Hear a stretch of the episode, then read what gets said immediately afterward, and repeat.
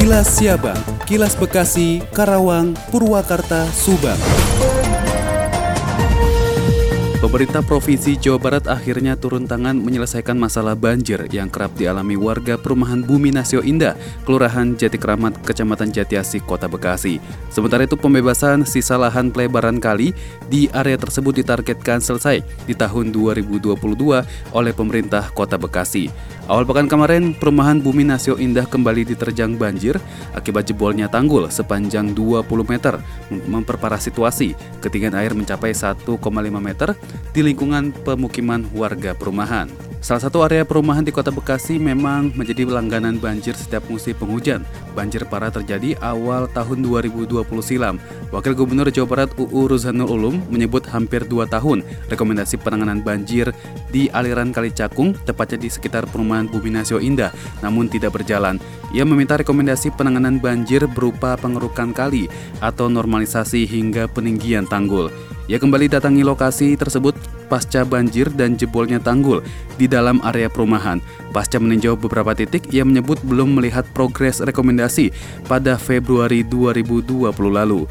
Kedatangannya ditemani oleh Badan Penanggulangan Bencana Daerah Provinsi Jawa Barat dan Kota Bekasi, Balai Besar Wilayah Sungai Ciliwung Cisadane atau BBWSCC hingga Dinas Bina Marga dan Sumber Daya Air Kota Bekasi. Diputuskan dalam waktu singkat akan dilakukan adalah menjebol tanggul yang berada di tikungan sehingga badan kali lebih luas. Ia juga menyebut ada satu bidang tanah yang belum dibebaskan oleh pemerintah Kota Bekasi. Seluas 93 meter persegi, bangunan rumah masih berdiri di atasnya. Pekerjaan penanggulangan banjir di wilayah tersebut diminta segera dilaksanakan mulai kemarin. Ibnu Jabar, Radio Dakta 107 FM melaporkan. Kilas Siabang, Kilas Bekasi, Karawang, Purwakarta, Subang. Wakil Bupati Bekasi Ahmad Marjuki mengajak partai politik agar bersinergi dengan pemerintah daerah dalam membangun Kabupaten Bekasi. Hal ini disampaikan oleh Wakil Bupati Bekasi Ahmad Marjuki saat memberikan sambutan pada kegiatan pelantikan empat Satgas Dewan Pengurus Daerah Partai Keadilan Sejahtera atau PKS Kabupaten Bekasi. Dirinya juga menyampaikan apresiasi kepada partai ini yang telah peduli dan melakukan penanganan COVID-19 dengan cepat dan berharap agar partai ini terus meningkatkan sinergi dengan pemerintah daerah agar dapat tercipta kesejahteraan masyarakat Kabupaten Bekasi. Demikian saya Fida, Radio Gaya 93,6 FM melaporkan untuk Kilas Siabang.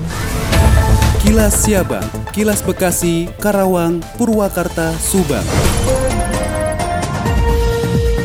Dari Subang dikabarkan, warga Kecamatan Pusaka Jaya dan Pusaka Negara akan segera memiliki pasar dengan bangunan baru yang megah dan representatif serta lahan parkir yang luas. Revitalisasi pembangunan pasar Pusaka Jaya tersebut yang dibiayai oleh APBD Provinsi Jawa Barat sebesar 10,7 miliar rupiah saat ini terus dikebut pembangunannya dan ditargetkan akan rampung pada akhir Desember 2021. Sebelumnya, kondisi pasar Pusaka Jaya terlihat sangat kumuh sehingga perlu segera dilakukan revitalisasi. Revitalisasi Realisasi pembangunan pasar Pusaka Jaya dilakukan tidak lain untuk menopang keberadaan Pelabuhan Internasional Patimban. Dalam bangunan pasar Pusaka Jaya tergolong modern. Bentuk bangunan tersebut rumah adat Joglo. Hal tersebut dilihat dari atap bangunan. Selain itu, bangunan pasar Pusaka Jaya yang terdiri dari satu lantai dengan jumlah kios sebanyak 146 kios. Dalam perencanaan awal pembangunan pasar Pusaka Jaya ini diestimasikan akan menghabiskan anggaran sebesar 25 miliar rupiah. Namun akibat ada pengurangan anggaran akibat pandemi COVID-19,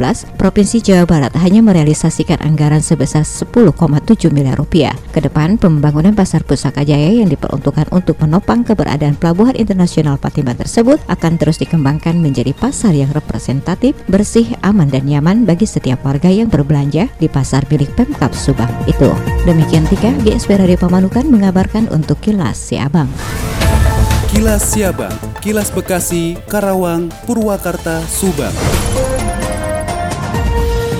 Dikabarkan dari Subang, Wakil Bupati Subang yakni Agus Mashkur menyatakan prihatin Indonesia merupakan negara ketiga di dunia dengan kasus tuberkulosis terbanyak dan menjadi penyebab kematian terbanyak.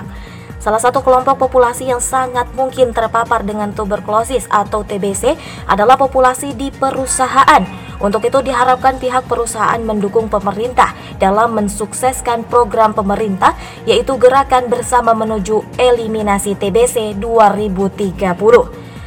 Wakil Bupati berharap semoga dengan kegiatan ini bisa memberikan pemahaman kepada setiap industri mengenai pencegahan pengobatan dan perawatan pasien tuberkulosis di lingkungan kerja.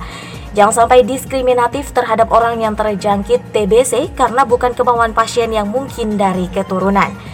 Kegiatan ini juga sangat positif bagi masyarakat Subang yang mana saat ini Subang masuk zona industri rebana dengan akan banyaknya para pekerja di industri bahkan pendatang baik investor maupun imigran. Wakil Bupati Subang menginstruksikan kepada seluruh stakeholder, jajaran dan petugas kesehatan di semua tingkatan yang ada di Kabupaten Subang, Dinas Kesehatan, seluruh rumah sakit dan puskesmas, serta para pengusaha bersinergi untuk serius dalam menangani permasalahan tuberkulosis ini. Pantau dan telusuri secara langsung segenap lapisan masyarakat yang terindikasi terkena TBC agar bisa ditangani sedini mungkin.